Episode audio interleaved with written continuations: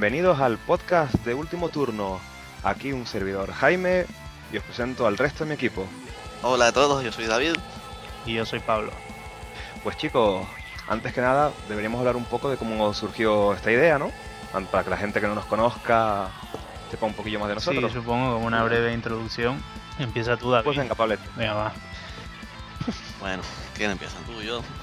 Pablete, Pablete, que se le ve puesto en el tiempo. Venga, pues este podcast viene de un blog, bueno, lo que en un principio fue un blog llamado Último Turno, ahora ya somos una página web en la que se hacen, bueno, pues reseñas de juegos, noticias, todo sobre todo sobre lo mismo, juegos de mesa, torneos nacionales, sobre todo, eh, y bueno, y noticias de todo tipo en este ámbito. También colgamos algunas cosas que suceden aquí, en Tenerife, por cierto, que es donde somos los tres que hacemos algunas jornadas lúdicas. Eh, hay, bueno, una, una LAN party hace poco, colgamos bastantes noticias sobre ella, pero bueno, eso ya hablaremos dentro de un rato. Bueno, básicamente somos un blog que habla sobre juegos de mesa y que esperemos que dentro de poco lo haremos tener un poquillo más acerca de novedades de rol y novedades de Wargames. Aunque eso, sobre todo, principalmente de juegos de mesa. ¿Y qué más podemos hablar de nosotros? Que el proyecto nació hace un tiempillo Hemos estado organizando algunas, algunos torneos, tenemos torneos ahí pendientes, vamos a hacer unas cuantas jornadas lúdicas, participamos en el Salón de Manga, como bien ha dicho Pablo. ¿Y algo más se nos queda por ahí, chicos? Mm, no, yo creo que vamos a menos decir cómo nos metimos en el mundo de los juegos de mesa y tal. Podemos hablar un poquillo de cómo cada, cada uno empezó, para ver así un poquito los antecedentes lúdicos que tenemos. Vale. Pues David, tú mismo. Bueno, yo tengo que decir que la culpa fue tuya, Jaime. Que me llevaste un día a la tienda de. Te, te, un, te un día al lado oscuro. Sí, me llevaste al vicio oscuro. a la tienda esta de cómic y mazmorras que está en Tenerife. Y ahí probamos el, el Munching, fue el Munching, ¿eh? El Munching, sí. Y a partir de ahí ya. Vicio y vicio. ¿Mm? Así empecé. Después. Después Paulette. Y yo realmente empecé también con el Munchkin, pero me parece, no sé si fue que me lo compré yo o no sé, que yo había oído hablar de una serie de juegos, de cartas, de tablero, de tal que nunca había visto y que estaban bastante bien, que eran, se salían un poco de lo convencional y iban un poco más allá. Y leí por ahí que era, será, imagino que sería cuando el Munchkin estaba pegando fuerte, que había un juego que era un poco para todo. Pablo, dime. Te puedo decir exactamente hasta los juegos que me nombraste. Madre mía. ¿Cuál? El Munching, Munching, Zombies, Ciudadela y Colonos de Catán son los que te habían recomendado. Mira, eso mismo. Colonos que nos falte. Pues empezamos con el Munchkin. Yo creo, no sé si, bueno, David yo sí, no sé, no me acuerdo si Jaime también. Y poco a poco, Yo también empecé con... poco a poco fuimos ampliando horizontes, probando más juegos, sobre todo en la tienda. Y bueno, ahora tenemos una colección bastante grande entre los tres. Sí. Una buena ludoteca. Sí.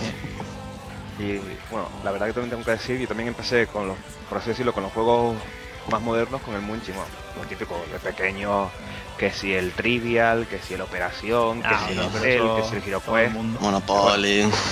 Hablando de pocos juegos así más modernos, yo empecé con el Munching, que fue el que tenía Pablo, después de ahí, yo me- creo que por mm, pasar, como fue cerca de Reyes, eh, a mí me regalaron las otras ediciones de los Munching, El Señor Oscuro también. Es verdad, ya me Y a, acuerdo. par- y a partir de ahí, yendo poco a poco a la tienda, Sí, probando Que- juegos nuevos. Probando juegos nuevos y hemos conseguido, yo que sé, un montón de juegos. De que tenemos ya un, una gran ludoteca. Es más, creo que está, para todos los que quieran ver los juegos que tenemos, está disponible en, en nuestro perfil. Hay que ver un perfil de la Wargame Geek para, para poner todos los juegos que tiene último turno. Sí. Sí, Y la verdad que. Ujú, ¿Sí, David?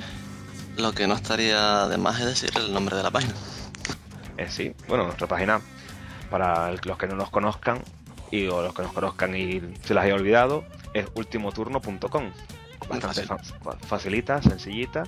Y bonita de ver. Eh, Exactamente. no está mal. Y bueno, ¿qué más podemos hablar? Yo creo que de presentación así, vamos sobrados.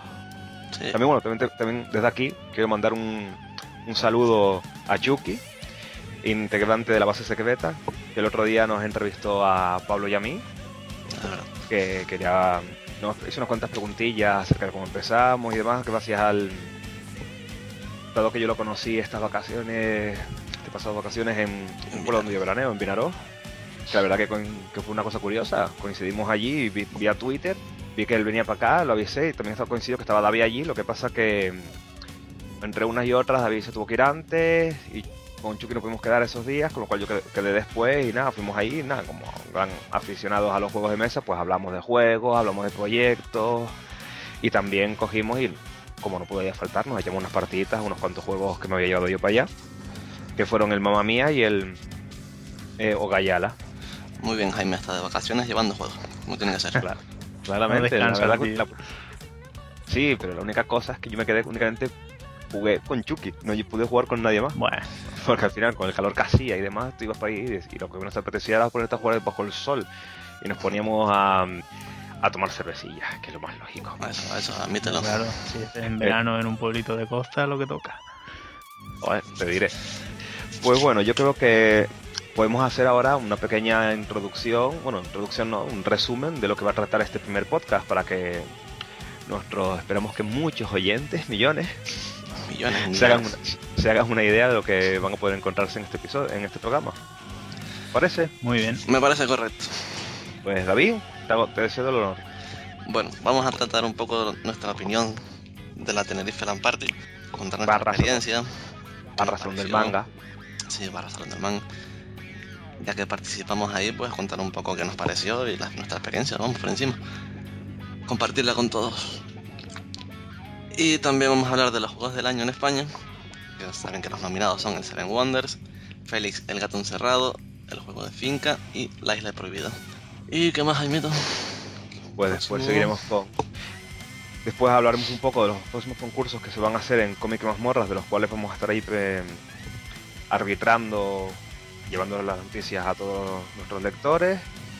También haremos las opiniones de dichos de los juegos de dichos concursos, que son el Wizard y el King of Tokyo.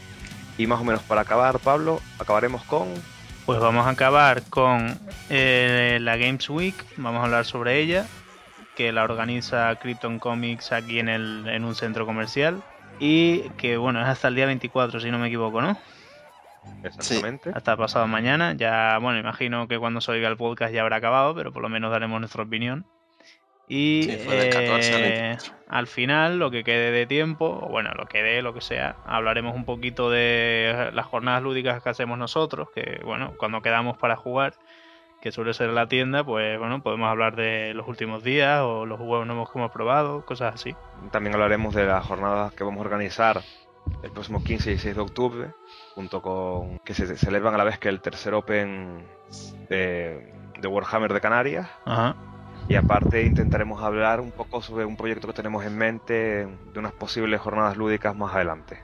Pero eso sí da un poco de tiempo. Muy bien, Pues empezamos con nuestro primer tema, ¿os parece? perfecto. Bien, A ver, para los que no los conozcan, gente a lo mejor de la península y demás, la Tenerife Land Party es un evento que se iba celebrando, si no me recuerdo mal, este era el sexto o séptimo año que se hacía, sí. creo que el sexto, y que es como la Campus Party o, o la, o la Euskal que se celebra en la península, donde se reúne la gente con los ordenadores y se queda prácticamente 5 o 6 días enganchados con el ordenador. Pero aparte, sus organizadores, como lo, organiza- lo- se celebra en el recinto ferial de Tenerife, que es un- exactamente un macro recinto, da espacio también, si lo- solo lo hacían con los ordenadores, sobre bastante espacio. Y para evitar esto, se decidieron montar a la vez el Salón del Manga de Tenerife, que este era el cuarto año que se hacía. Y allí se pueden encontrar desde tiendas, karaoke, había prácticamente todo lo que puedes encontrarte en un salón del manga. Y este año contaron, aparte, con el tema de los juegos de mesa, donde nosotros estuvimos ahí y nos encargamos de acercar los juegos de mesa a todos los que estaban por allí. Ya vamos a hablar un poquillo de todo esto. Pues sí. Nosotros teníamos un stand, como ha dicho Jaime. Y al principio la gente estaba un poco como que no sabía qué hacíamos ahí, pero porque casi todos los stands eran tiendas y demás. Y nosotros lo que ofrecíamos era la oportunidad de probar juegos. Y al principio eso, la gente un poco recelosa, pero después ya cuando vieron que era probar juegos y que era gratis, vamos, y que les explicábamos de qué iban todos los juegos y demás, pues empezó a llenar eso y nos vimos bastante bien, vamos. Todo un rato explicando juegos. Chicos, os voy a poner a prueba, a ver si os acordáis. ¿Quiénes fueron los primeros que participaron en, la- en una partida y qué juego fue? Fui yo que no estaba allí. Mm, Yo Imagino. creo que fui yo. Con ¿Fuiste el, tú, David? con el Muy Celtic bien. fue. Muy bien. Es verdad, explicando el Celtic para el torneo del Celtic que hicimos. ¿Qué Que regalamos un Celtic de edición. Celtics de viaje, De viaje. hicimos un torneo, gracias a la cortesía de Debir, que nos cedieron material, teníamos un Celtics ahí, lo enseñamos a jugar, y el torneo consistía en dar un Celtics de viaje. Y exactamente a los que les explicamos el Celtics ese día, Es verdad, ganó uno de ellos. fue uno de ellos quien ganó el torneo. Mm, Que tuvieron un buen maestro.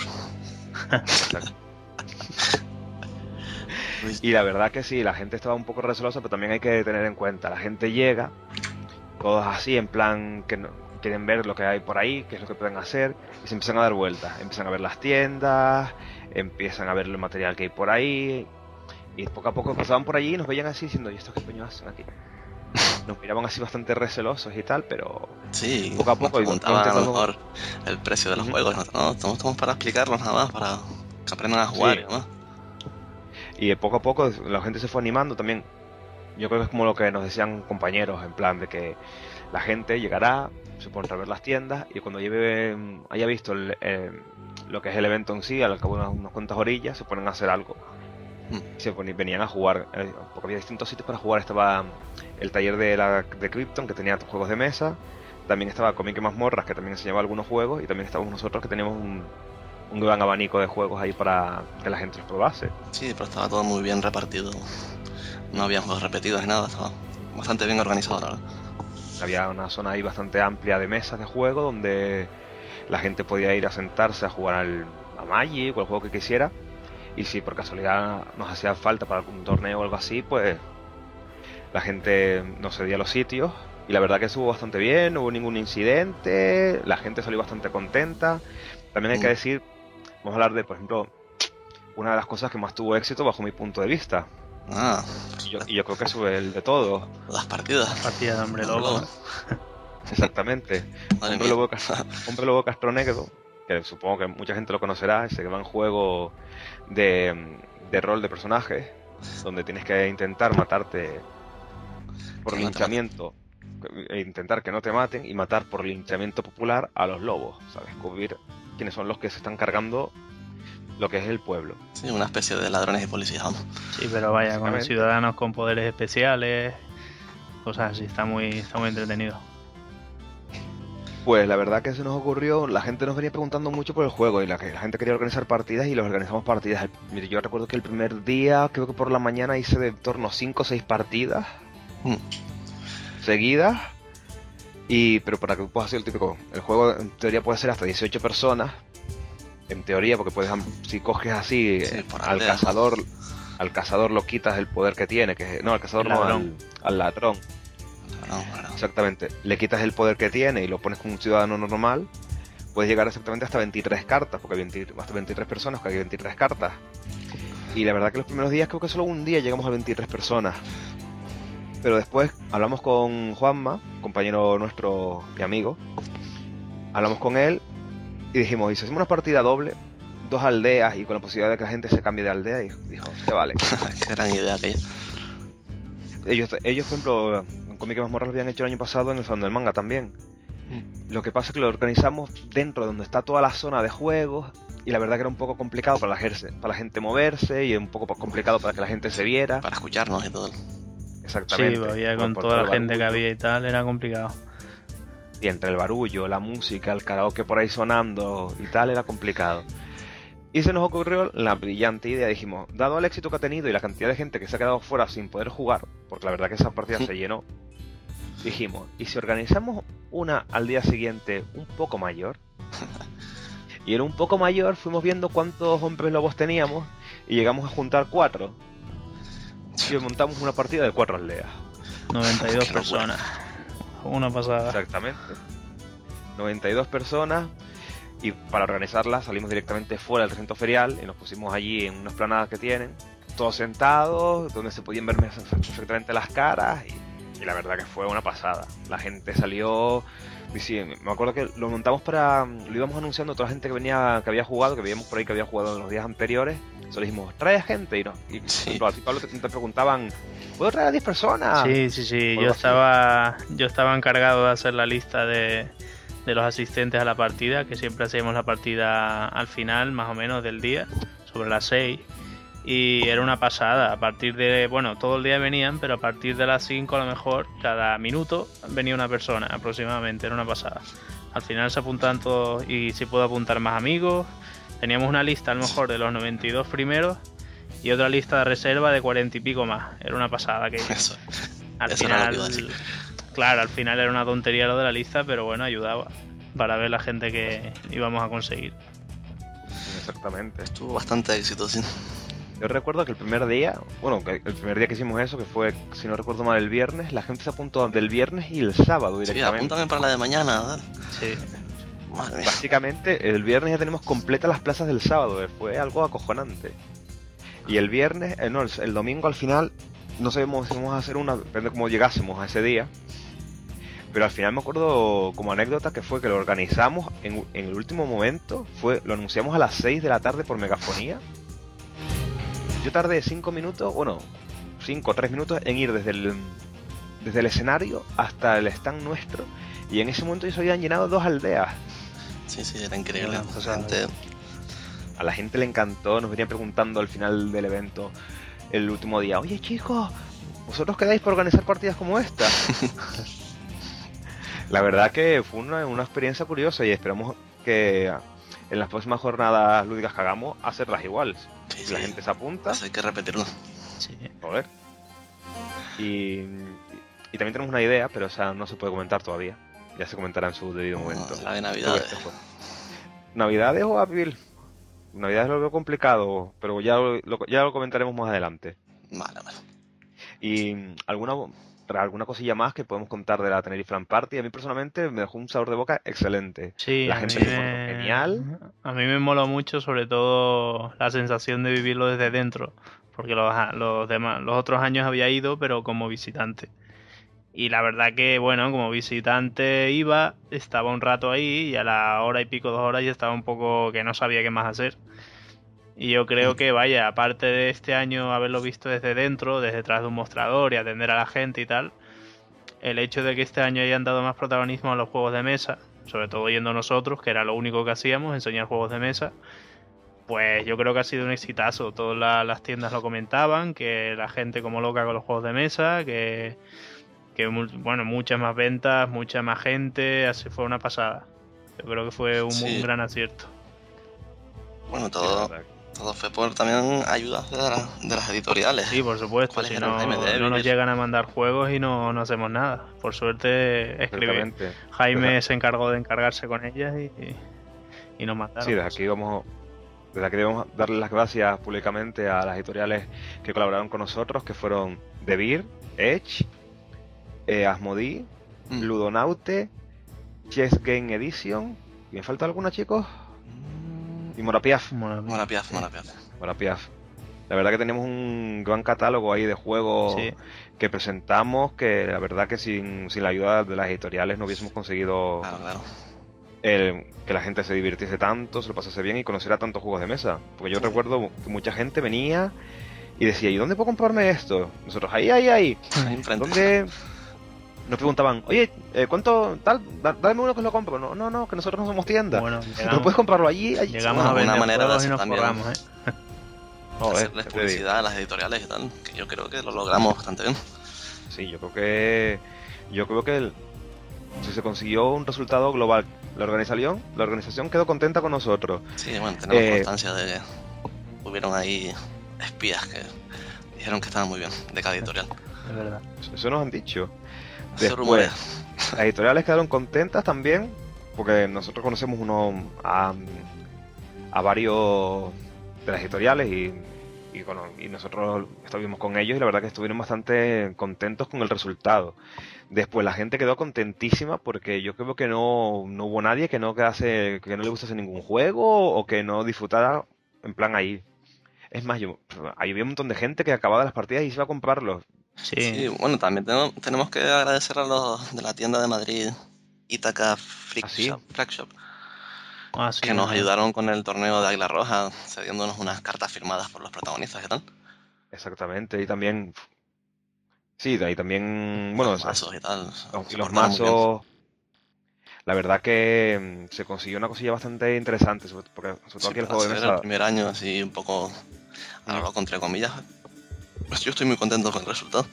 Sí, nos pusimos de, los- de los últimos en entrar, diría yo. Y que fue de los. Y estábamos así en plan un poco con miedo a ver, de, a ver qué nos vamos a encontrar, a ver si nueva gente no va a jugar, o a ver si nos preguntan algo y no vamos a saber, o yo qué sé. Y la verdad que. Sí, porque pensábamos estar ahí casi 12 horas y imagínate estar quieto sin hacer nada. Y que va, fue todo lo Que contrario. va, no, no parábamos. paramos, nos, nos reímos, nos, hicimos colegas, yo qué sé, y conocimos un montón de gente. experiencia curiosa, ¿verdad? La verdad que estuvo bastante bien y yo personalmente espero que el año que el año que viene nos apuntemos de nuevo. Sí, sí, sí. Sí, sí, sí, a mí me encantaría. Si nos dan la oportunidad otra vez, sí. Yo creo que sí. Yo creo que no va ningún problema. la- Al contrario, Pero- incluso. nos, nos llamarán. Sí, sí, verdad que sí. Que va, que va. Nada, pero no, la verdad que a mí personalmente me encantó la experiencia. Fue una pasada, que la que estoy completamente muy contento. Eh, es más, tampoco hubieron ni malos rollos. nada, o sea, estuvo genial. La verdad que estuvo perfecta. No, Sí. yo no me- Bueno, como, como anécdota para acabar un poco con este tema, yo tengo que decir que por mi parte fue bastante curioso porque participé como jurado en el, en el concurso de Para Para. Hostia, es verdad. Joder, tío, qué risas, tío, qué bueno. Al final hasta me gustó el Para Para. ¿Eh? Era la primera vez que yo me metía en ese mundo, o sea, no bailé ni nada, pero fui de jurado y me explicaron un poquito todo, todo el tema y tal. Y está, está curioso, está curioso. Es verdad. y te- Y también tenemos que decir que Giovanni, nuestro otro compañero, él fue el Ah, jurado del concurso de cosplay. Sí, es verdad. La verdad que está curioso porque estando allí luego te vas así, vas conociendo gente, vas conociendo gente de otras tiendas, vas conociendo gente, gente de otras organizaciones y la verdad que te ayudas entre tal. La verdad que es muy, muy buen rollo el que hay dentro del- del- de ese evento. Muy, muy buen rollo. Y bueno, prácticamente, ¿alguna cosilla más que decir, chicos? o- Yo creo que está bien, ¿no? parte, no. No completo. Yo creo que más, más, más no se puede decir. Si bueno, si alguien quiere saber un poco más o ver las fotos, por ejemplo, las tenemos en nuestro Facebook y en nuestro en el blog ahí. Facebook, en el blog. Un post, no. No, en el blog no, en el blog publicaré dentro de poco un post, a ver si me pongo y lo hago, para hablar un poco de, de todo. Bueno, en nuestro Facebook hay un montón de fotos del, del evento. También en Flickr, pero en Flickr hay pocas, sobre todo en Facebook. Ah, y bueno, que queremos dentro de poco colgar los vídeos de, Las partidas. de las partidas de Hombre Lobo para que la gente vea exactamente la magnitud que tenían las partidas. Sí, para que vea la gente, aunque sea toda la que había. Que era bastante curioso. Todo el tinglado. Y bueno, cambiando de tema, vamos a pasar al siguiente, los juegos del año en España. Los nominados a Juegos del Año en España, que dentro de poco se dará el premio, si no recu- recuerdo mal, en la jornada... En En el- Córdoba, ¿no? Sí, era el quinto o sexto eh, año que lo hacen. Ahí me pillas. La verdad que ahora se me va un poco de la cabeza. Pero bueno, en el Festival Internacional de Juegos de Mesa de Córdoba, organizado por la asociación Jugamos Todos, se dará el premio de Juego del Año en España. Y los cuatro nominados son Seven Wonders de Anthony Bausa, de las editoriales Repos Production y Asmodee Ibérica. Ujú. Félix el Gato Encerrado de Friedman Fist de Edge. El juego Finca de Ralph Sur Linde. Y Wolfgang Sendker, de la editorial Devir. Y La Isla Prohibida de Matt Leacock, de Devir también. Así que Devir tiene dos nomina- nominaciones, vamos. Tienen que estar contentos. Básicamente está entre Devir, Edge y Repos y Asmodee. Mm. Personalmente, yo he jugado a tres de ellos. Yo a dos. Se- Yo a dos y también. Pablo tam- Mm. yo también dos. De hecho, son dos que tengo en mi colección. Exactamente. David es el que tiene los dos juegos estos, que es el Seven Wonders, Y- con la ampliación también. Y la Isla Y la Isla Prohibida. Y yo he podido jugar en la tienda también a Félix el Gato Encerrado. El Finca, según todo el mundo me ha dicho, está muy bien, está muy guapo. Lo que a mucha gente le tira la temática para atrás un poco, porque como es en plan como unos agricultores cultivando en Mallorca. En Mallorca. sí, sí, es en Mallorca. curioso. Les tira un poco para atrás. Pero ah, me han dicho que está muy bien el juego. La verdad que tengo ganas de probarlo. pero no he tenido la oportunidad. Lo probaremos, tranquilo. Y la verdad, de los que están ahí nominados y que yo he jugado, personalmente, Félix el Gato Encerrado es el más flojillo de los tres. Está bien, es un juego como, si no recuerdo mal, era de subasta, que el que tienes que ir consiguiendo el mayor número de puntos en- por los gatos que vas consiguiendo. Y es en plan, un juego de subastas que no está mal, pero mm, comparado con la Isla Prohibida o el Sí, Seven Wonders, Sin ánimo de menos, menospreciar los demás juegos, los dos grandes aquí creo que son el Seven Wonders y el Sí. La Isla Prohibida. Sin duda alguna. Exacto. Bueno, aunque el Finca tenemos que probarlo, de repente es una revelación de juego. Finca había que probarlo. No podemos sí. hablar de él porque no, no lo hemos jugado. Mm. Sí. Pero de, de los que yo veo, personalmente, yo creo que va a ganar Seven Wonders. Sí, Sí, aparte o por lo menos debería. es un juego- Aparte de que es un juego excelente, muy bueno, que tiene una rejugabilidad bastante grande, que puede sacar miles de estrategias, miles de formas para intentar ganar, y aparte ahora con su expansión, Leaders, la ha conseguido todavía darle mucho más juego. Personalmente yo creo que va a ganar también, porque aparte, este año si vemos que el invitado especial al evento es Anthony Bausa, y si no recuerdo mal, creo que también están o el artista o el editorial in- eh, invitados al evento. Qué mejor forma que ya que está ahí, darle el premio. En mi opinión. Pues sí, ¿no? Sí. Yo creo que canta un poquillo en ese sentido. Bueno, aunque a, a lo mejor están los de los demás juegos también. Puede ser. Lo que normalmente traen creo que uno o dos artistas invitados internacionales. No sé si estará ahí alguno de los demás, pero yo sé que Anthony Bausa es el invitado estrella, según ellos han dicho. Y la verdad que para mi opinión es una pista un poco clara de que le van a dar el premio a él, pero como son dos cosas eh, diferentes, que lo jugamos todos, ellos organizan el evento y la y lo de el juego del año, ¿no? Creo que si no me equivoco lo hace otra gente, bueno, no estoy seguro, me he quedado un poco ahí traspuesto, No sé. pero yo creo que es una buena ocasión para darle el premio a ella que está en persona, pero aparte de eso se lo merece, es un muy buen juego que como he podido comprobar se ha llevado premios por un montón de sitios, ha estado y ha estado Sí, sí. nominado. Y Este año merecido, además. Es que es muy bueno. La verdad que sí. La Isla Prohibida a mí personalmente también me gusta mucho. Pero me dicen, vamos a echarnos un- una isla, un Seven Wonder, y seguramente me decantaré el 95% de las veces por el Seven Wonders. Sí. Sí, es que también depende, porque, por ejemplo, la isla prohibida es para cuatro jugadores, el Seven Wonders 7, y nosotros son- solemos ser un grupo de más de cuatro siempre. Sí. Aunque la isla puede ser en cooperativo entre todos, pero siempre nos llama más un jueguito tipo Seven Wonders. Mm, aparte es más, más competitivo. Los que los cooperativos muchas veces tienen hay muy, buenos juegos cooperativos. Sí, sí, no, sí, este es muy bueno. La isla es muy bueno. Y Trasil, que es otro juegazo, es muy Mm. bueno también. Mm. Son Bueno, juegos cooperativos que te llaman. También, eh, ya no me sale el nombre ahora. Espera que lo busco, si no me equivoco. Eh, ¿De qué va? Pandemic. Ah, Sí, el sí, Pandemic, sí, Ah, es ese, del mismo autor. No lo he probado ese.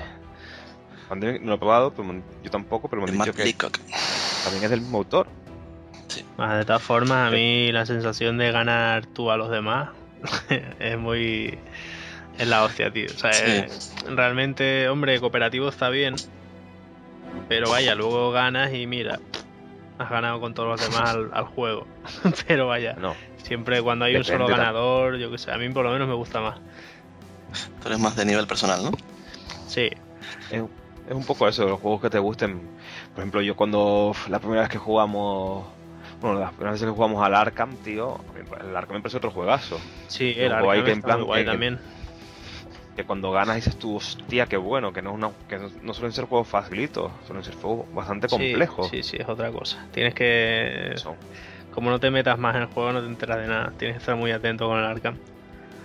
Es más, sí, bueno, el Arkham, eso, y por ejemplo el Brasil, yo todavía personalmente no he conseguido ganar. Tengo amigos que sí, pero yo no he conseguido ganar todavía. Bueno, y al Space Hulk, que no vamos a ganar la vida. Hostia, el Space Hulk, ese ya, ese también es otro de, muérete. Sí, com- Son Yo creo que es el más complicado, así creo, que tenemos. ¿Cuánto era el, el porcentaje de victoria? No me acuerdo ya. Eso Bueno, me imagino, de hombre, al final eso será, depende de la práctica que tengas, pues en ese tipo, por lo menos en ese juego, cuanto más hayas jugado y más te sepas lo que hacer, mejor irás, porque a veces toca, toma decisiones precipitadas y te jode toda la partida. Ahí es muy, como tengas algún error y encima los dados no te ayuden, olvídate de ganar ya. Era Es como un jodido. 80% de fracaso, ¿no? No recuerdo, sé que era bastante alto, pero creo que 80, tanto, tanto no, creo que era un 60 y pico. Creo. Yo creo que ya ese 60 y pico vale para cuando ya tengamos un poco de rodaje. Porque lo cierto es que habremos jugado como mucho, mucho cinco partidas, yo no recuerdo más. Sí, por la ahí. última llegamos por fin a la última parte de la nave, pero que va. Pablo, no nos especifica, llegó Bueno, es uno verdad, a la última llegó parte de la de ocho marines que iban al principio, consiguió llegar uno. Y uno de- ese uno, su misión final era matar a los, qué sé yo, 10 o 12 monstruos que habría ahí. Y encima darle un botón y era, era que va, era imposible aquello. Pero por lo menos Y aquello llegamos. fue. Aquello fue muérete. Sí. Muérete, muérete, muérete. Sí. Pero bueno, la verdad que lo, que como dice Pablo, la sensación de ganar cuando uno gana ahí en solitario no es la misma que cuando ganas en cooperativo. Es diferente. O sea, ganar en cooperativo también mola, sobre todo en un juego como este que, que llevas tanto tiempo queriendo ganar, pero vaya. Son cosas diferentes. Y por eso yo creo que, aparte de eso, la- también es más fácil que nominen a un juego y que gane un juego que, pues, sobre todo porque, si lo pensamos, Seven Wonder es estratégico. Tiene un poco de todo. Vas a pensar tu estrategia. Tienes que pensar hacia qué di- dirigirte. Que si edificios, que si... Puntos Sí, militares. Sí, tecnología. bastante completo. Hacer la típica ecuación para conseguir más puntos entre todas las cosas que te vengan. Aunque ahora lo que me he fijado es que con la expansión, antes por lo menos, eh, lo de Seven Wonders, yo por lo menos iba. a- hombre, me gusta ir con puntos de ciudad, digamos, de. ¿Cómo se llama? De, de obra, obra Sí, de- pública. de pública. la carta azul. Pero claro, si no te vienen cartas buenas de obra pública, te jodes y tienes que hacer otra cosa. Pero vale, ahora Sí. sobre todo con los. con los. con los. ¿cómo se llama? Líderes. Los líderes, Los líderes. pues ya un poco depende de lo que depende de lo que te venga. Si ves que tienes tres líderes en la mano que se especializan en guerra, pues ya lo tienes decidido. O sea, yo en mi última partida que gané gané la última la última que jugué la gané después de bastantes perdidas. Fue porque me vinieron dos o tres líderes de, de esto de tecnología y empecé a sacar tecnologías a saco y bueno, eso más mis líderes más tal saqué un montonazo de puntos.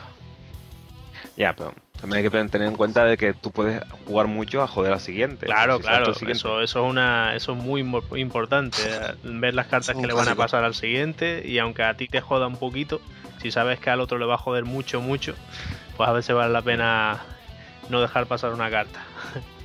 Está claro, si el que tienes al lado no se da cuenta de esas cosillas, es más fácil que uno gane. Claro. Pero cuando ya juegas con, con rivales que, que saben a lo que van, te putean que que no te joder. llegan las Es uno de morir matando, vamos.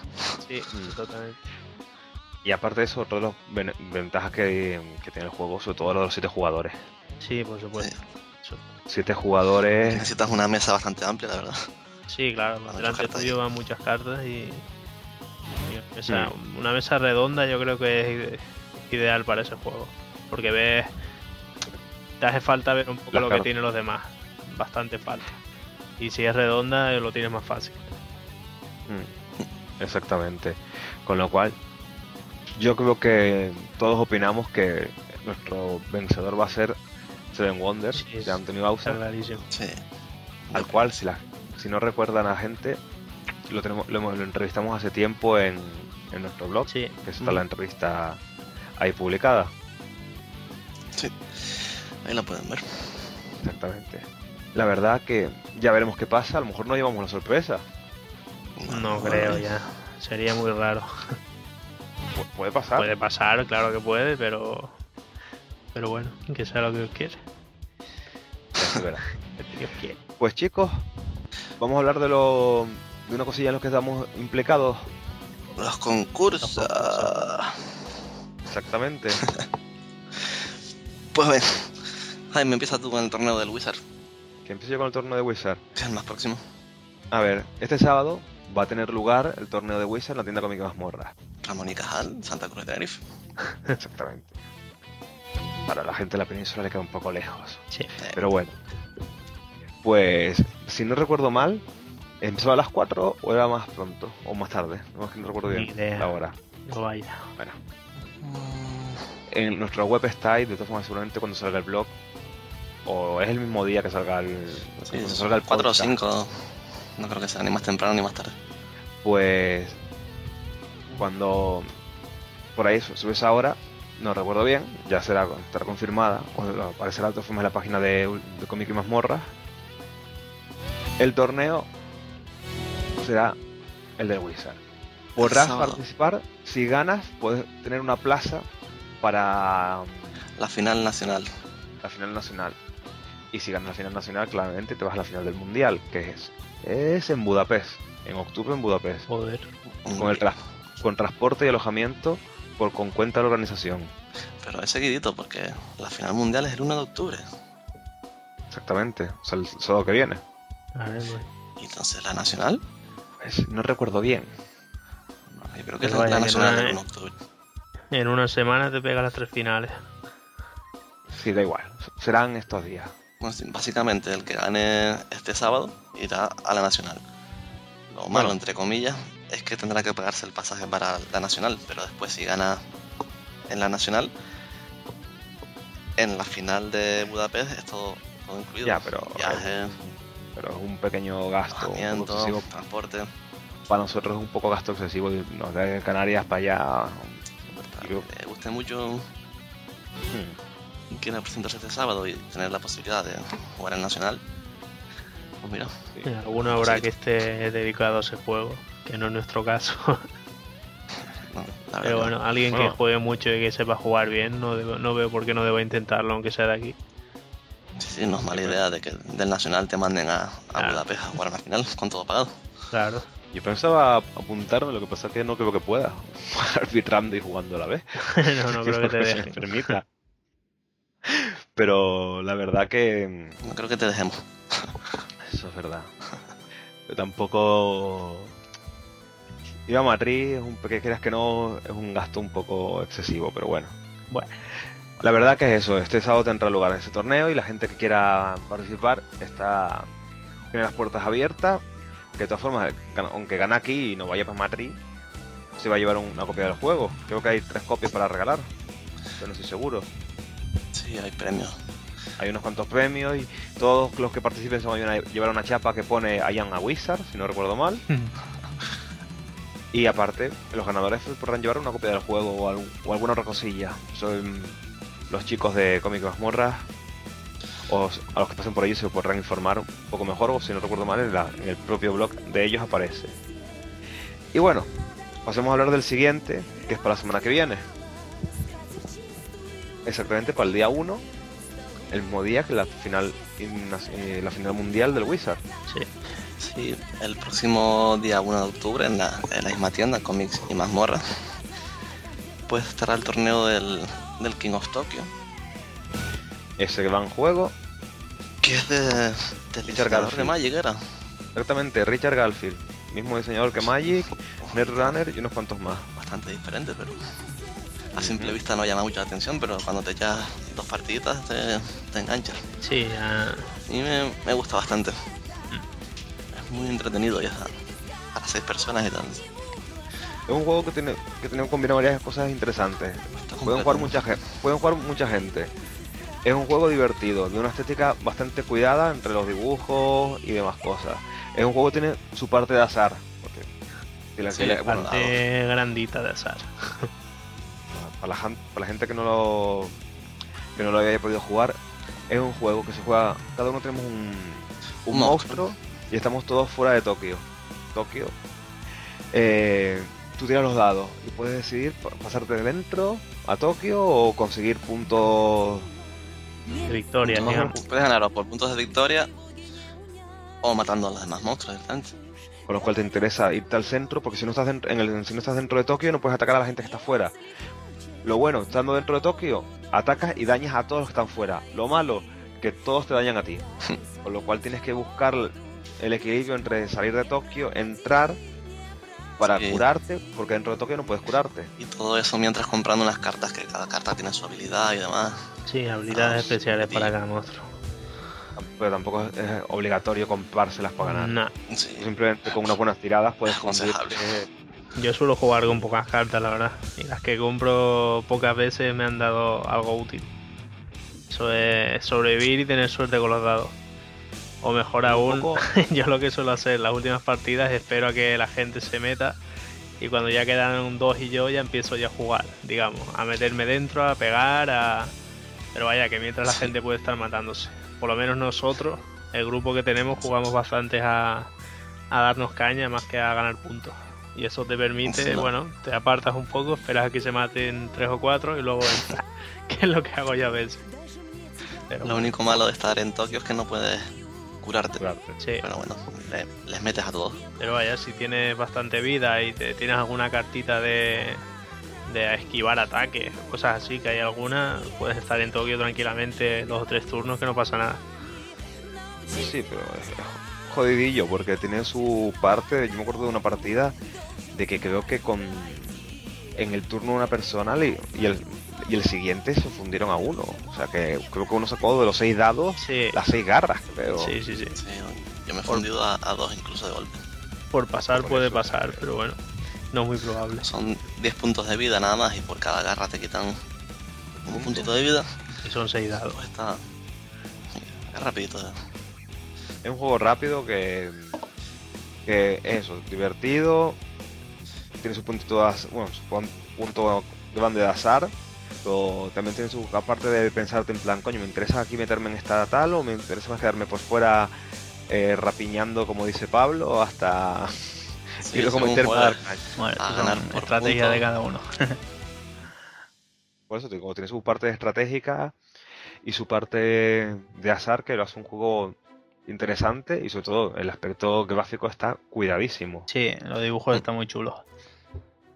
Y la verdad que como lúdicos ha apostado por un buen juego y la verdad que yo recomiendo a la gente que se apunte al torneo porque podrá ganar una copia del King of Tokyo y si no, si ya porque imagínate que ganaba alguien que tenga el King of Tokyo, pues se puede llevar un vale equivalente en productos de la tienda.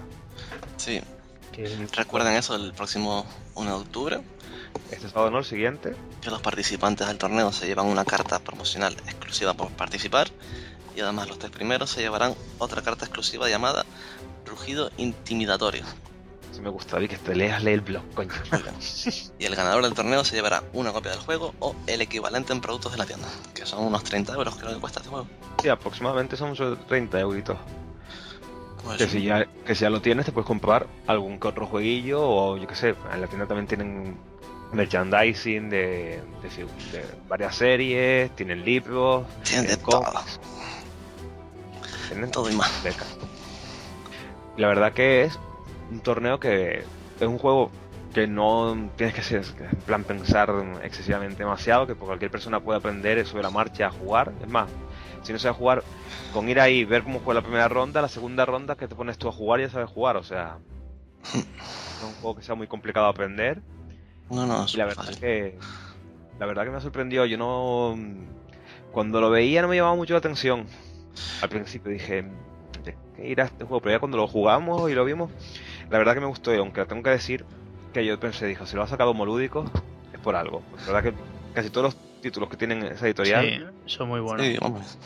Y el nombre asociado que lleva de, de Richard Garfield ya te indica que mal no puede ser. exactamente. Que del Pero bueno. de Magic, pues, No, David, ahí eh, eso, pues eso tampoco te puedes llevarle. Hay autores que son unos que sacan cada juegazo que después a lo mejor sacan cada borrio que te cagas, pero sí, bueno, pero por, por estadística. pero que por comillas, estadística, por estadística, no suele básicamente. Exactamente. Y la verdad que Bien, claro, dependerá de los gustos de cada uno y todo el exactamente, a lo mejor alguien le puede decir, pues a mí juego no me gusta nada, me parece súper chungo eh, por este, este, esto, pero a mí la verdad que no le he dado mucha, mucha confianza, pero el Estética es un poco infantil, así los dibujitos, pero. La verdad que sí. Hombre, son monstruos atacando a Japón, yo qué sé. yo creo que están muy bien los dibujos. Son Me gusta muy bien. Da un aspecto gráfico al juego muy bueno. Sí, así tipo cómic tal. Le da un rollo muy animado. Sí, la verdad que Pokémon. sí, un poco Pokémon. No, la verdad que está interesante. Y la combinación esa Richard Garfield Molúdicos, yo dije, Mala no puede ser, tengo que probarlo para dar una oportunidad y la verdad que, que sí, se- que es uno de los juegos que se ha vendido como churros, si no me equivoco. Sí. Y, y que este torneo, para el que no haya jugado y quiera intentar conseguirse una copia, es su torneo, porque tienes más posibilidades que alguien que haya jugado más veces. Sí, todo lo que sea que por participar te den cartas promocionales, mola mucho. Pues bueno, una vez hablado de esto, vamos a hablar de. Bueno, ya hemos hablado prácticamente de los juegos. Bueno, hemos sobre todo el King of Tokyo. Del Wizard sí que no hemos hablado. De qué nos parece el juego. Sí, aquí se ven la- los gustos de cada uno. Sí, la verdad que el, el Wizard a mí, me, a mí me gusta. Es un juego que me parece muy interesante. sí, la, la, la mecánica del juego está muy bien. Bueno, muy bien, el aspecto está bien. gráfico, El aspecto gráfico el aspecto gráfico- es una basura. y yo siento decirlo así, Pues pero sí, es una basura. bueno, hay, Es verdad. hay que, hay- hay que decir que Pablo estudió Bellas Artes. Y se puede hacer Y- un niño con un boli te hace algo mejor, tío. Es muy feo. Son como. La verdad que las unos- cartas de. Deja mucho que desear ¿no? Sí, es como ¿no? si lo hubiesen hecho Tiran por ordenador, pero uno como, no sé, los dibujos que habían hace 10 años por ordenador. De los como si personajes le así quisieran como haber dado muy un-. Muy raro. un muy aspecto de, de cartas del tarot. Sí, así, pero. un rollo cartas del tarot, una cosa así muy fea. Pero bueno, Muy feo de ver. lo que cuenta, que- lo que cuenta al final es el juego y a mí por lo menos me gustó la idea. No hemos jugado demasiado, todo hay que decirlo, pero la idea del juego me, me gustó. Yo sí que jugué unas cuantas en, en el salón del manga mientras que lo explicaba y, y arbitré unas cuantas mientras que también lo explicaba y la verdad que yo puedo deciros que sé que de varias gente que jugó al Wizard que luego fue y se lo compró. Sí, No sé, sí, sí, sí, eso no me, te digo que no me extraña, pero eso que quedamos tan desencantados al principio con las cartas que no bajó un poco la moral, pero bueno, enseguida vimos que coño el juego en realidad no estaba mal. Es un poquito Pero- largo, pero no está mal. Con, pues bueno, con una estética un poco mejor hubiese ganado todavía un poquillo más. Si ya el juego es bueno, hubiese ganado todavía más. A veces esos aspectos había que cuidarlos un poquillo más. Cosas hay que cuidarlas mucho. Pero bueno, el juego consiste, para el que no lo conozca, en primera ronda, cada uno recibe una carta, la miramos y cada uno hace una apuesta. En plan, yo creo que voy a ganar una ronda o yo creo que no voy a ganar ninguna. Mm. Si, si aciertas, te llevas 20, si eran 20 puntos por acertar la apuesta y 10 puntos más por mm, si, si eres el ganador de, de la ronda. Si fallas, te, te vas rezando 10 puntos por cada uno que te falta. En plan, dices, voy a ganar 5 rondas de 7. Si Sí, ganas al La final, ronda la ganas por número, ¿no? El más alto era. sí, La era carta la más alta. ¿no? La carta más alta, siempre del, del Del palo, que estás inicial. jugando. Si, no hay- si nadie juega el palo inicial, la carta más alta del primer palo que se haya echado.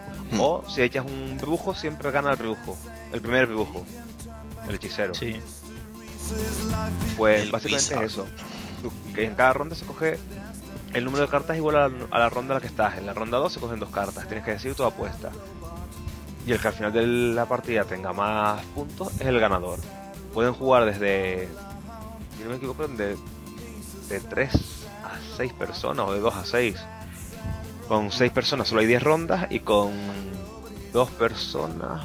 No, No, seguro. no, con 2 no, con 3. 20 rondas. Tiene 60 cartas el mazo. Y... si quieres te lo digo que lo tengo delante el... ¿Lo tienes delante? A ver, aquí dice que el número de jugadores es de 3 a 6. Y recomendado con 4 o 5. Vale. Número de rondas ya aquí no lo veo.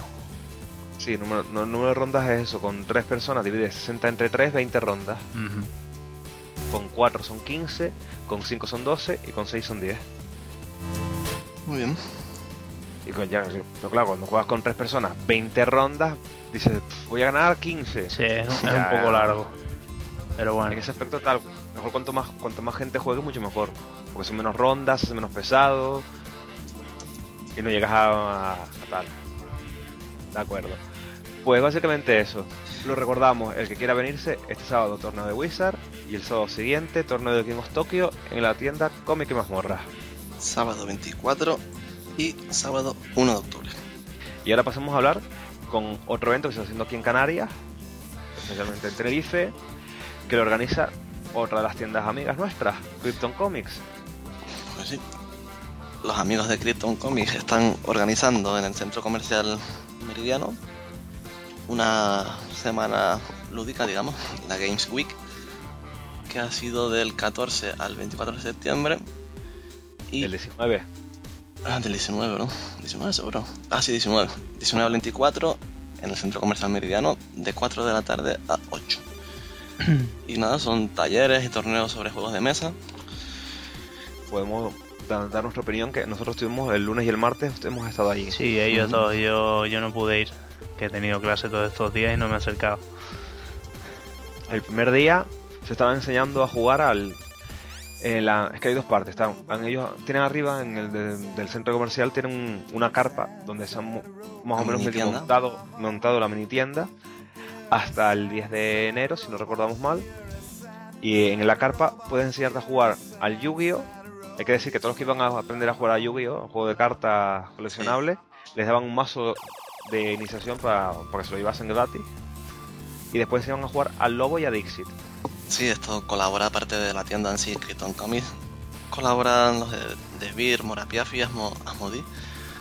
Con los juegos Jungle Speed, Dixit, el Yu-Gi-Oh! ese, Wizard, Lobo, Perudo, Bath It y muchos más básicamente del lunes yo pude probar los juegos que no conocía, bueno, quitando el Yu-Gi-Oh! que no, la verdad personalmente los juegos de cartas coleccionables no me suelen llamar mucho la atención, aunque yo era jugador de Magic y tal, pero no me llaman mucho, mucho, y aparte Yu-Gi-Oh! me parece un poco más en, plan, un poco infantil. Y la verdad que no, no he puesto, pero quitando eso, me quedaba por probar el Basit y el Dixit.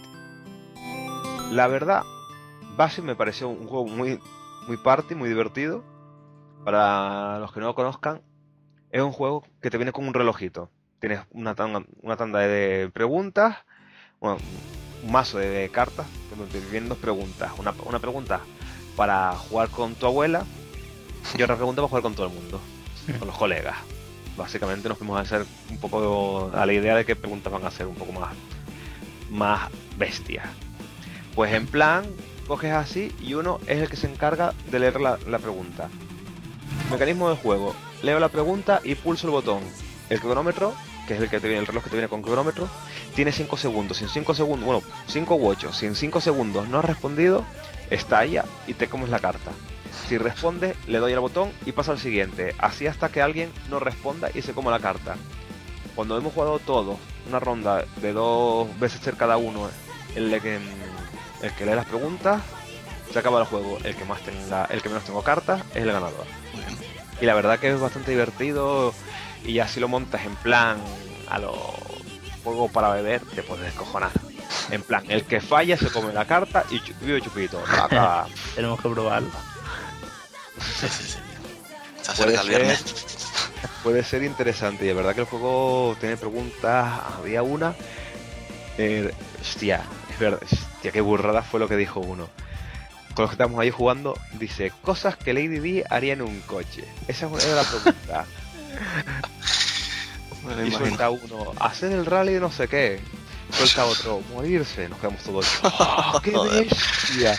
¡Qué bestia, tío! ¡Qué hijo puta! Se podría decir tampoco para tanto. Yo loco, tío. pero sí, es un poco cabroncete, pero la verdad que no, tiene preguntas de estilo, cosas que son te recuerdo, si no recuerdo mal, la leyó Mauro. Cosas que son mejor cuando acaban que cuando comienzan o algo así. Cuando, acaba que cuando la estás haciendo. no se me ocurre nada. Tampoco. Pues cosillas así, y preguntas, tenía un mazo grande de preguntas y tenía con el reloj para que puedas jugar bien y la verdad que está bastante curioso el juego divertido para jugar ahí con los colegas de fiesta. Sí, estos juegos party están muy guapos todos. Sí, un juego party como el Jungle, otro lo estaban mencionando ahí. La verdad que estaba bien. Y de los otros juegos, eh, bueno, del Jungle no vamos a hablar. O, si lo comentamos un poco para la gente que no conozca. Vale, coméntalo, como quiera. Bueno, el Jungle lo comento rápido, es muy simple. Sí, sí. El Jungle se compone de un tótem, que bueno, es una piecita de madera alargada. Y bueno, y una serie de cartas cuadradas que muestran unos símbolos de cuatro colores diferentes cada color tiene todos sus símbolos y la peculiaridad de los símbolos es que entre ellos guardan cierto parecido. Así en un primer vistazo hay cartas que se parecen mucho, mucho. Y bueno, la idea es que mm, se ponga el tótem en el centro de la mesa, los demás jugadores alrededor del tótem, a poder ser en una mesa redonda una vez más, porque sobre todo en este juego es muy importante porque todo el mundo tiene que estar a la misma distancia del tótem y lo ideal, claro, es una mesa redonda, ¿no? Porque todo el mundo está a la misma distancia del centro. Y bueno, eh, todo el mundo tendrá su. Se reparten todas las cartas entre todos los jugadores. Todo el mundo tendrá su, su taco de cartas boca abajo. Y por orden van sacando de una en una. La destapan la primera y la ponen sobre la mesa. Y desde que haya una persona que saque el mismo símbolo que otra persona que esté en la mesa, ya se lanzan esas dos personas a por el tótem. Y el que lo coja primero, pues le da sus cartas destapadas al otro. Eso es básicamente la, el esto del juego. Pero claro, al haber cartas muy parecidas, es muy probable que sobre todo en las primeras partidas te equivoques. Que piensas que tu símbolo es igual que el que está allí y no lo es. Si lo coges cuando no te toca, te coges todas las cartas de la mesa. Igualmente, si vas a coger el tótem y tiras el tótem, en vez de cogerlo por las prisas, también te coges todas las cartas de la mesa. Y vaya, es muy muy divertido por los piques que hay, el rollo de, equivocarse, que lo haces muy a menudo. A mí me gusta mucho mucho el juego. Hay que ser bastante rápido, estar muy muy atento a lo que hay en la mesa. Lo veo, es poquito, tiene su pequeña índice de peligrosidad, por eso de tirarse por el tótem. Hay cualquier uña uñas largas, larga, así, anillos y todo eso, hay que tener cuidado porque te pueden joder la mano. Seriamente. Que coño, cuidado. Coño. Y. pero vaya, de esto está muy, muy bien el juego. El juego está muy divertido. Y la verdad que hay que decir que David es un lento. A mí esas cosas no se me dan miedo. La verdad que es un juego de habilidad y de percepción visual que está bastante interesante. Pues eso fue lo, que se podía probar en la parte de abajo del lunes y bueno y el resto de días también, porque prácticamente esos juegos están casi todos los días ahí.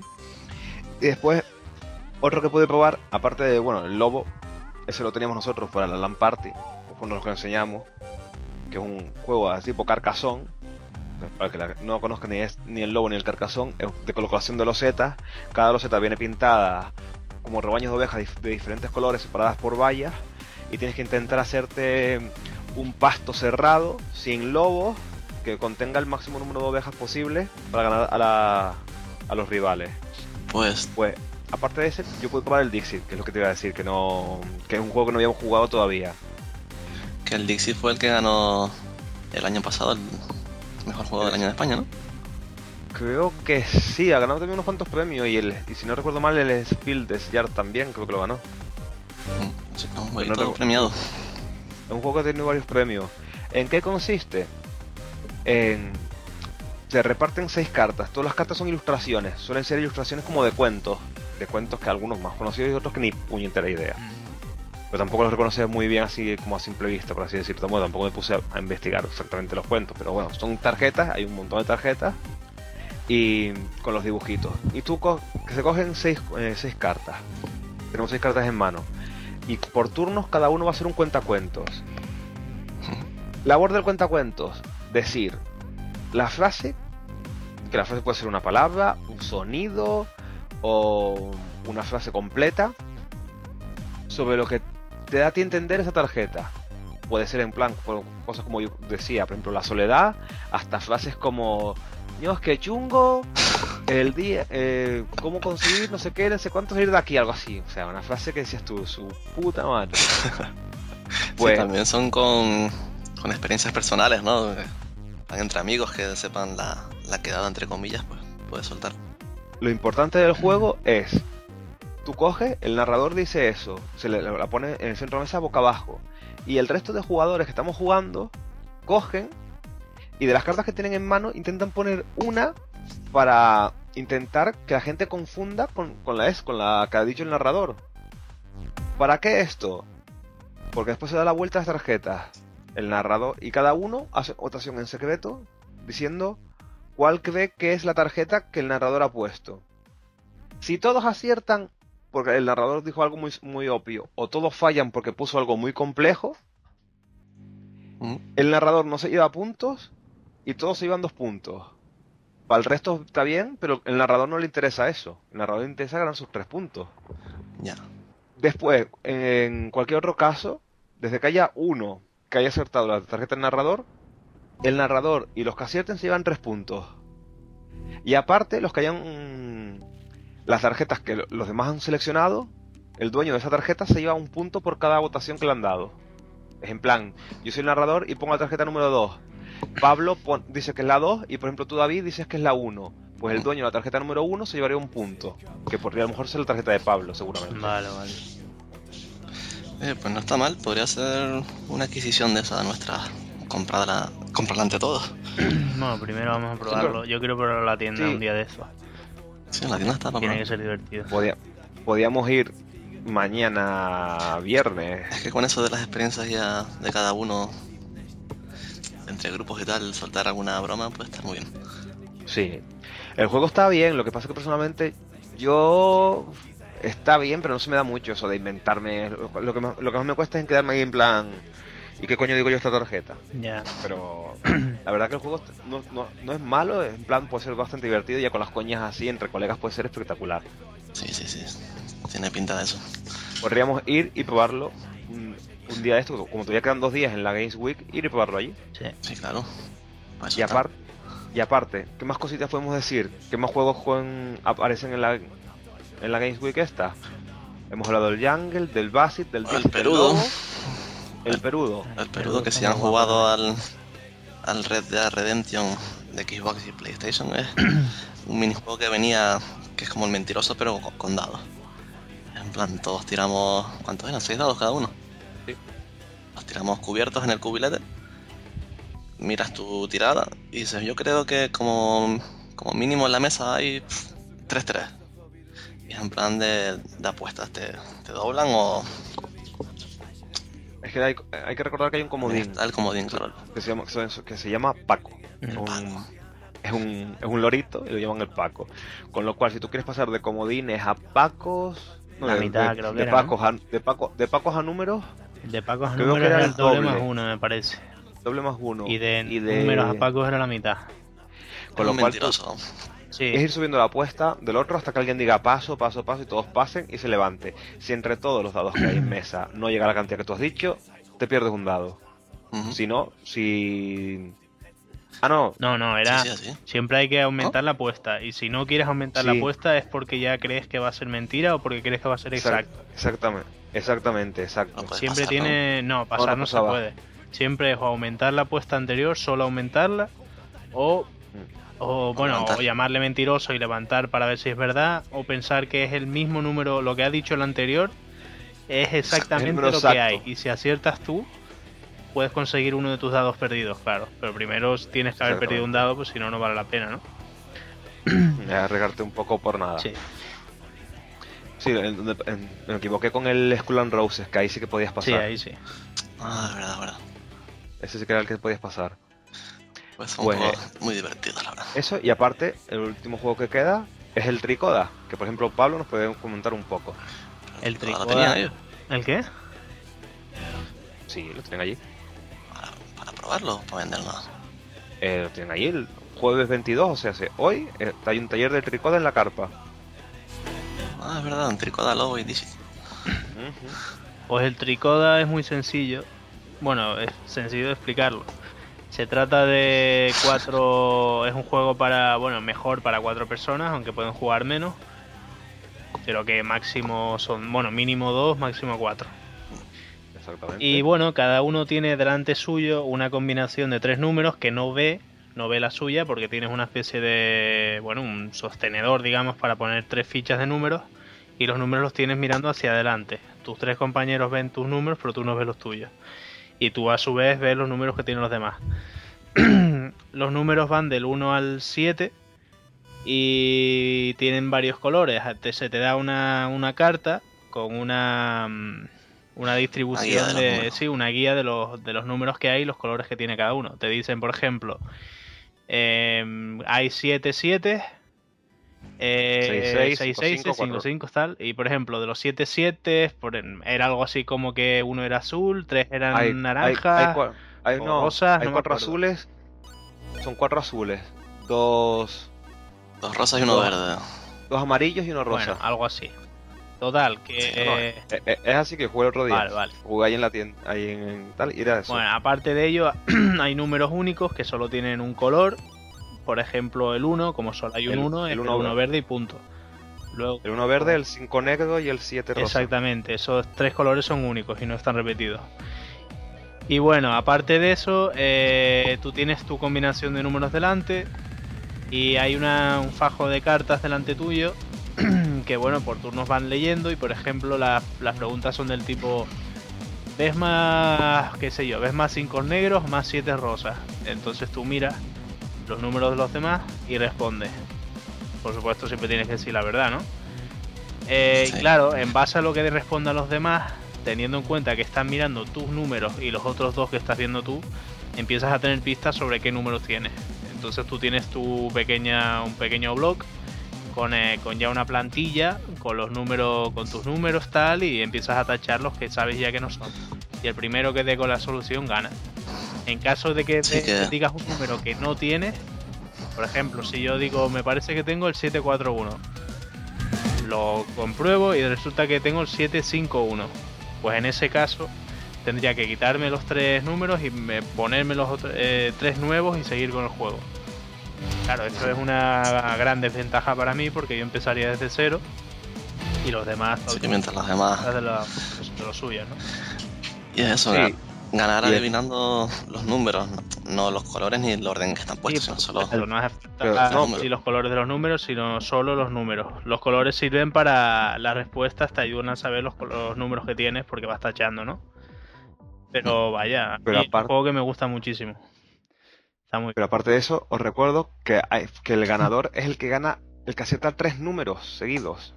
Sí, bueno, nosotros, al mejor de tres. nosotros nos jugamos del todo bien porque nosotros realmente empezamos como para probarlo a ver quién acertaba el número primero y ya está.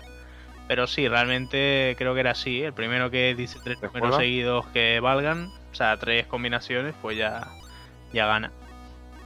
Exactamente. Pero vaya, que es un juego muy... A mí me recuerda un poco al, al Mastermind. Al antiguo Mm. Mastermind que era con una combinación de colores y tú por pistas tenías que saber los que tenías. Pues algo parecido. Es sacar ese tipo de conclusiones. Una especie de mastermind numérico con cuatro jugadores. Sí. Lo que no tiene, no tiene ningún tipo de límite de preguntas ni nada. Hombre, es raro, Son las 23 que hay, claro que parece. si llegas a 23 preguntas y no sabes tu número es que algo mal has hecho. Que con Bueno, 25, pero- yo creo que con la mitad, más o menos, ya, ya lo puedes sacar. O antes. ¿Y con de ¿Con, cuán- ¿Con cuánto se puede conseguir, Pablo? si te sale la suerte que tuvo Jaime y lo rápido que estuvo, él lo adivinó con dos cartas. Que no me acuerdo, él, él dirá exactamente cómo lo hizo, pero fue una, una coincidencia de los números que tenía él eran un poco únicos y justo salieron las dos cartas Sí, que sí, le daba sí. la solución. Así. Suerte, suerte. Le salió muy bien la jugada. Creo que el récord suyo, sí, el récord está en dos y yo creo que es imbatible porque con una carta es imposible que. A no ser que te pegue el churro y te salga, pero vaya. No soy Sí, partidario de estar totalmente seguro del número y luego decirlo, pues yo qué sé. No, el mío no fue churro, ¿eh? Ya, ya, ya. Fue unas Eh, casualidades eh, muy. Eh, fueron, eh. fueron casualidades. Fueron dos preguntas que eran específicas y encima los números que salieron a mí y, al- y a vosotros fueron decisivos. Porque a mí me salieron, creo que vosotros raros, ¿no? dos, dos números raros de los que solo había uno. Y aparte mi combinación sumó más, más de 18, con lo cual yo descarté no sé cuánto y ya me pudo... Yo tenía el otro número raro, me parece que era, con lo cual... Yo tenía uno de los, uno de los siete, el 7 vi- violeta, Pablo tenía creo que el 5 negro y el 1 lo tenía David, me parece, o al revés, vosotros dos.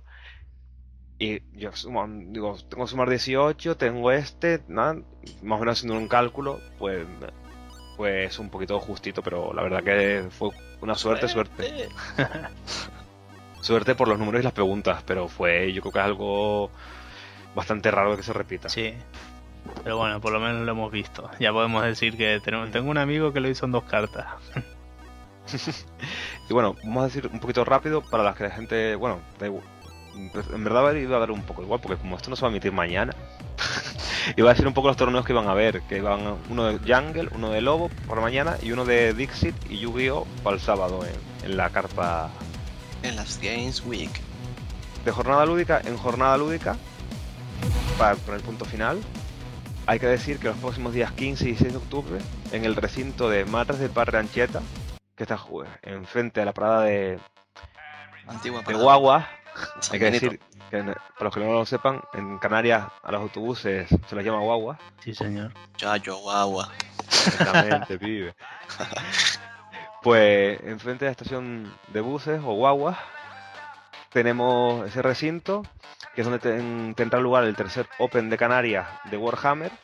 Con, hay 50 plazas para apuntarse al- a este torneo. Y aparte a la vez estaremos nosotros allí con nuestra ludoteca para más o menos hacer una especie de cosa por el estilo son del manga de Tenerife, donde podrán venir ahí la gente que, que venga a jugar, aprender a jugar, o que venga, que les demos los juegos, básicamente lo mismo. Y básicamente yo Ya creo que con más eso información más adelante. ya en, ya en el blog aparecerá más información cuando vayamos cerrando más cosillas. Pues nada, recordar así rápido Las formas de contacto, bueno, perdón, bueno, sí, los torneos que el próximo 24 de septiembre el torneo de Wizard el 1 de octubre el torneo del King of Tokyo todo esto en la tienda Comic y Mazmorras y Ujú. que hasta el sábado 24 tienen los talleres y, y concursos de juegos de mesa en el centro comercial meridiano el Game Week Games Week que organiza Krypton Comics Exactamente. Y ya, no, por hoy nos podemos despedir. El siguiente, ¿cuándo será? Bueno, buena pregunta vamos, a intent- vamos a intentar que sea algo Sí. más o menos entre semanal, quincenal. Para así un- las noticias de esos días. Y recordar un poco las formas de contacto de la gente para que los que no lo sepan que nos puedan encontrar. Nos pueden encontrar por en nuestra página web que es 3www.ultimoturno.com en nuestro correo electrónico que es Pablo Info arroba ultimoturno.com. y también nos pueden encontrar en Twitter y en Facebook. El usuario de Twitter es Último Turno todo junto. Y en Facebook, para no decir la dirección completa de Facebook, hemos hecho una redirección sencilla que es facebook.ultimoturno.com y lo mismo y lo mismo para YouTube, youtube.ultimoturno.com, Ah, donde podrán ver nuestros unboxings los unboxing, dentro de poco vídeos de para aprender a jugar o los vídeos de El Hombre Lobo y alguna otra cosilla que digamos por por ahí. Pues nada, Pues- un placer. Pero esperemos que os haya gustado este primer episodio, episodio piloto, Y que nos escuchen. y que, y que la gente le, les guste. Y nada, que aquí estaremos intentando semanalmente para traer las novedades de este mundo de juegos de mesa. Muy bien. Pues sin nada más, nos despedimos. Ya hasta la Bueno, próxima. hasta pronto. Hasta la próxima. Bueno, saludos.